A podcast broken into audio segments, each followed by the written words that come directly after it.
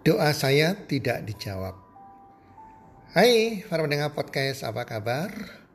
Harapan dan doa kami semoga teman-teman bersama keluarga Anda dalam keadaan sehat walafiat dan berbahagia selalu.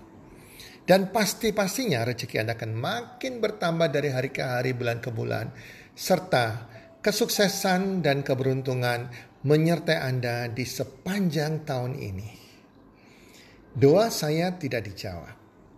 Para pendengar podcast, sahabat podcast, apa kabar? Ada sebuah pertanyaan yang ditanyakan oleh seorang anak muda kepada kami. Dia mengatakan demikian, percuma saya berdoa. Saya berdoa-berdoa, tapi doa saya tidak pernah dijawab oleh Tuhan.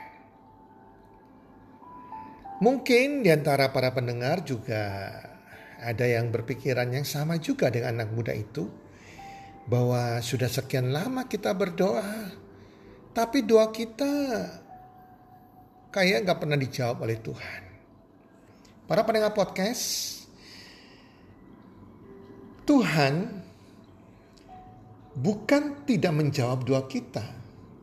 Tuhan yang Maha Esa selalu punya kuasa untuk menjawab doa kita dan dia bisa menjawab doa kita. Tetapi Tuhan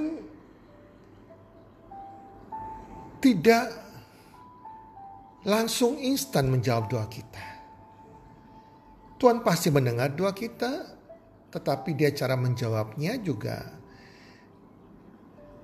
itu haknya dia. Itu haknya Tuhan. Apakah dia mau menjawab atau tidak? Tapi jelas Tuhan adalah Allah yang ajaib. Dia Allah yang membuat mujizat. Tuhan yang Maha Esa sanggup dan bisa menjawab doa kita. Itu pilihan dia. Dia mau menjawab apa tidak. Dalam pengalaman saya yang berkaitan dengan doa, ada beberapa hal tentang doa kita yang berkaitan dengan Tuhan. Yang pertama, doa kita langsung dijawab oleh Tuhan. Ada orang-orang tertentu, saya pribadi maupun teman-teman saya,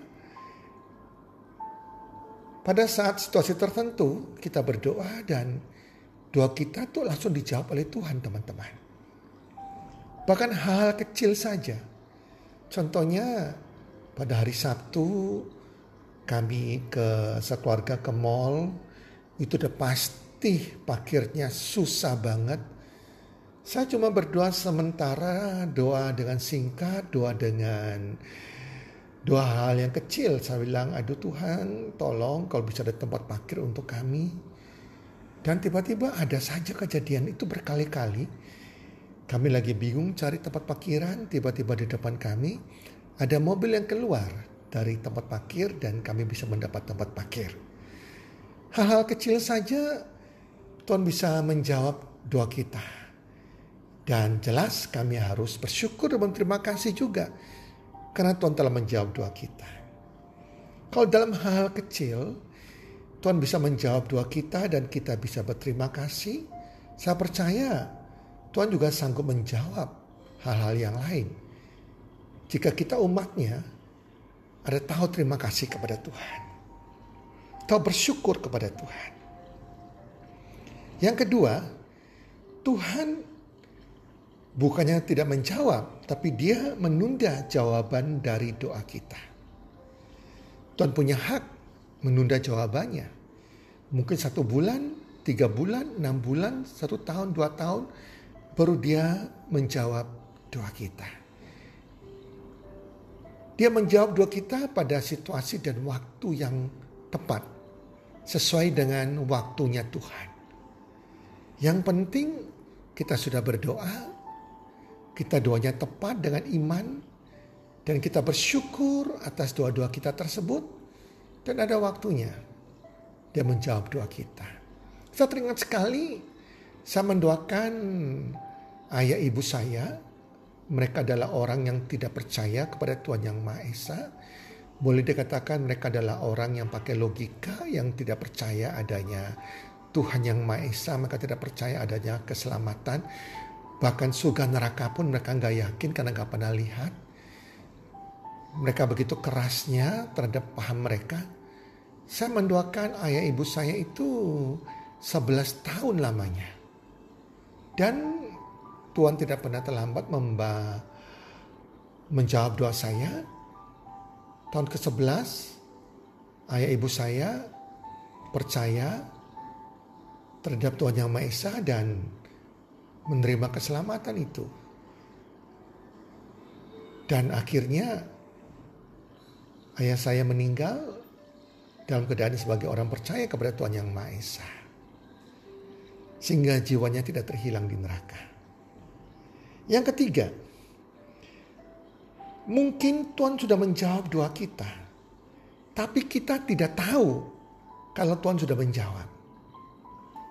Ini banyak sering terjadi kepada orang-orang yang meminta berdoa untuk meminta Tuhan menolong mereka dan merubah nasib mereka, memberikan mereka sebuah bisnis, sebuah alat, sebuah pekerjaan yang baik dan penghasilan yang baik untuk keluarganya. Kalau kita berdoa sesuatu yang baik, untuk keluarga kita apalagi ya apalagi untuk orang banyak bukan untuk ego kepentingan kesombongan kita saya percaya Tuhan akan menjawab doa kita. Tuhan akan senang menjawab doa kita. Cuma saya katakan rancangan Tuhan bukan rancanganmu. Kadang jalan Tuhan bukan jalan kita. Jawaban Tuhan mungkin tidak seperti dengan jawaban kita. Saya ingat sekali dulu pada waktu saya sedang bangkrut saya sudah nggak punya modal lagi. Saya meminta Tuhan untuk membantu saya uh, menggol, menggolkan uh, minta tambahan dana di beberapa bank agar bank-bank itu bisa memberikan saya tambahan dana untuk saya buka bisnis lagi. Yang tentunya dananya pasti besar teman-teman ya. Dan ternyata doa saya Tuhan tolong saya lagi bangkrut ini saya punya masalah keuangan, kasihan keluarga saya makan aja susah, kita makan aja hutang di bank. Nah, minta Tuhan tolong buka jalan. Saya lagi uh, mengapply uh, pengajuan pertambahan uh, kredit di bank A, bank B, bank C. Semoga Tuhan bisa mengabulkan, menjama bank tersebut bisa menggerakkan hati bank tersebut untuk memberikan tambahan pinjaman dana. Untuk saya buka usaha lagi teman-teman. Itu doa saya. Keinginan saya begitu teman-teman. Ya tujuannya untuk bisa membayar hutang lunas, bisa menghidupi keluarga saya dengan cara pikiran saya, dengan jalan saya, dengan tambahan dana di bank lain agar bisa membuat usaha baru. Tuhan menjawab bukan dengan cara pikiran saya, bukan dengan jalan pikiran saya, tetapi Tuhan memberikan sebuah jalan yang unik. Lewat istri saya memberikan sebuah bisnis yang tanpa modal, kecil sekali modalnya hanya puluhan ribu dan tanpa risiko. Dan bisnis yang jarang dilihat orang, jarang dipandang orang, bahkan saya nggak percaya dengan bisnis itu. Bagaimana sebuah bisnis kecil yang bisa memberikan kita penghasilan ratusan juta miliaran, itu omong kosong. Bagi saya itu penipuan, saya nggak percaya, tetapi itu cara Tuhan teman-teman. Dan akhirnya Tuhan menolong saya dengan rancangannya dengan jalannya. Nah di sini teman-teman, jadi Tuhan sudah menjawab doa kita, tapi bukan dijawab dengan keinginan kita. Dan karena kita nggak tahu, kita berpikir harus seperti keinginan kita, tapi jalan Tuhan berbeda dengan jalan kita. Jalan pikiran Tuhan berbeda dengan pikiran kita, maka kita harus peka di situ. Ya, kita harus peka dan hati-hati. Dan yang berikutnya, doa kita tidak dijawab Tuhan, bukan Tuhan tidak menjawab, atau Tuhan menolak. Tetapi yang jelas doa kita ini bertentangan dengan firman Tuhan. Jadi Tuhan akan menjawab doa-doa kita yang sesuai dengan keinginannya, dengan firmannya. Contohnya mungkin kita berdoa, kita minta mobil yang mewah untuk kita bisa pamer ke teman-teman kita, ke rekan bisnis kita, ke organisasi kita, Nah jelas doa ini tidak akan dikabulkan teman-teman. Karena apa? Karena kalau kita dikabulkan doa kita dengan kasih kita kendaraan mewah lagi atau gadget yang mahal, apalagi kita sudah punya gadget yang cukup bagus atau sudah punya rumah yang cukup baik, kita minta rumah yang lebih besar lagi untuk pamer, untuk menimbulkan kesombongan dan Tuhan tahu kalau itu terjadi dia kabulkan doa kita, kita akan jadi tambah sombong dan itu membuat kita akan jatuh dalam dosa. Jelas Tuhan tidak akan menjawab tidak sesuai dengan keinginannya, tidak sesuai dengan firman-Nya. Ya teman-teman ya. Nah, dan Tuhan tidak menjawab doa kita, mungkin cara berdoa kita. Cara minta kita kepada Tuhan yang tidak tepat, yang salah teman-teman. Nah, kalau kita berdoa dengan benar ya, saya percaya kalau doa kita itu sesuai dengan keinginan Tuhan, tidak menimbulkan dosa bagi diri kita, kesombongan atau dan lain-lain ya, maka Tuhan pasti menjawabnya. Nah, kalau kita berdoa sama Tuhan, yang pertama kita datang ke hadapan Tuhan bukan dengan permintaan kita. Emangnya Tuhan ini jongos kita, Tuhan itu pegawai kita, kita ini bosnya, terus kita minta-minta agar Tuhan menuruti perintah kita. Kan bukan demikian teman-teman. Kita datang kepada Tuhan dengan doa, yang pertama kita lakukan apa? Kita mohon ampun dosa kita. Tuhan yang Maha Esa adalah Tuhan yang Maha Suci yang maha agung, maha benar, maha besar. Maka kita yang umat yang berdosa ini datang ke hadapan Tuhan harus minta ampun dosa kita. Kita cek dosa-dosa kita seharian kita telah buat apa. Kita minta ampun dosa-dosa kita yang kita sadar kita katakan kepada Tuhan maupun yang tanpa kita sadari. Sehingga kita bisa disucikan, dibenarkan kembali oleh Tuhan. Dengan kerendahan hati kita datang ke hadapannya dengan minta pengampunan dosa. Kedua, kita harus bisa mengucap syukur kepada Tuhan. Kita bisa bersyukur atas segala berkatnya, atas sekarang nikmatnya yang dia berikan kepada kita sepanjang hari ini. Banyak orang tidak bersyukur kepada Tuhan. Kita bisa bersyukur kita masih bisa diberikan kesehatan, kita bisa makan, kita bisa diberikan bernafas, dan oksigen yang gak terbatas. Kita bisa sehat, keluarga kita sehat, keluarga kita bahagia. Kita bersyukur sama Tuhan. Bersyukur kita bisa sekolahkan anak kita, bersyukur kita masih bisa sekolah dan lain-lain. Ucapkan syukur itu atas nikmat, atas berkat. Walaupun itu berkat itu kecil, bersyukur kepada Tuhan. Dan kemudian kita mulai berdoa untuk orang lain.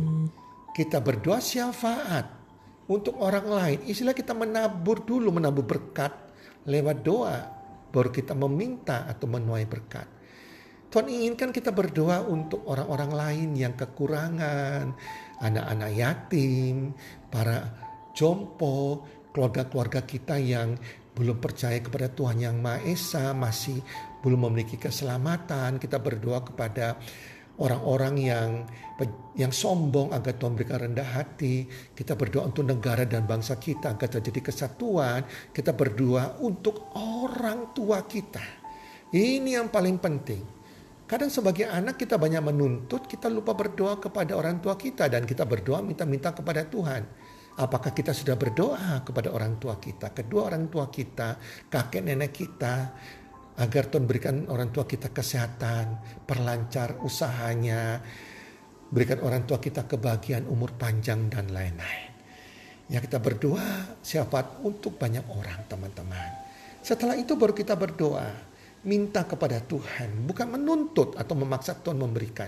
Minta kepada Tuhan dengan rendah hati. Tuhan kalau engkau bisa mengabulkan permohonan saya. Saya kepingin ini loh Tuhan. Sebutkan satu, dua, tiga dengan kerendahan hati dan serahkan kepada Tuhan kembali. Semoga engkau bisa mengabulkan ya Tuhan. Dan walaupun engkau tidak mengabulkan, saya juga bersyukur dan terima kasih. Biar kehendakmu yang jadi Tuhan. Dan saya pasrah. Saya tetap bersyukur. Nah itu kurang lebih teman-teman ya. Jadi hati-hati jangan kita menyalahkan Tuhan, kita menuntut Tuhan. Dan kita tidak, tidak pernah bersyukur kepada Tuhan. Punya waktu berdoa yang tetap dengan Tuhan. Itu adalah keintiman Anda dengan Tuhan. Tuhan suka Anda intim dengan Tuhan. Berdoa dengan bersyukur. kurangi berdoa dengan meminta. Saya percaya walaupun Anda, tidak meminta sesuatu kepada Tuhan, Anda bisa bersyukur, bersyukur, bersyukur. Bahkan bersyukur terhadap apa yang belum Anda dapatkan, Anda pasti terima. Contohnya saya pernah baca sebuah kisah, ada seseorang yang ingin dapatkan mobil, tapi dia tidak meminta kepada Tuhan, tapi dia berdoa dengan iman, dengan bersyukur. Terima kasih Tuhan, Engkau sudah memberikan mobil, walaupun mobil second, saya terima kasih Tuhan. Dia sebut Toyota Kijang, tipe ini ya Tuhan, terima kasih Engkau sudah berikan mobil pada kami. Terima kasih Tuhan. Tiap hari dia berdoa dengan ucapan terima kasih dan bersyukur. Walaupun kendaraan tersebut belum dia tidak miliki. Dan lewatnya waktu, mujizat terjadi. Akhirnya ada seseorang tergerak teman-teman memberikan mobil second mereka karena mereka ganti dengan mobil yang baik kepada sepasang suami istri ini. Ya, jadi Tuhan bisa membuat berbagai macam mujizat. Tuhan bisa menjawab doa kita, teman-teman. Jadi tetap ya bersyukur pada Tuhan, berdoa kepada Tuhan dan mintalah kepada Tuhan sesuatu yang sesuai dengan kehendak Tuhan. Saya percaya Tuhan Yang Maha Esa mengasihi Anda semua dan pasti menjawab doa Anda. Semoga bermanfaat podcast kali ini dan salam sukses. One, two, three.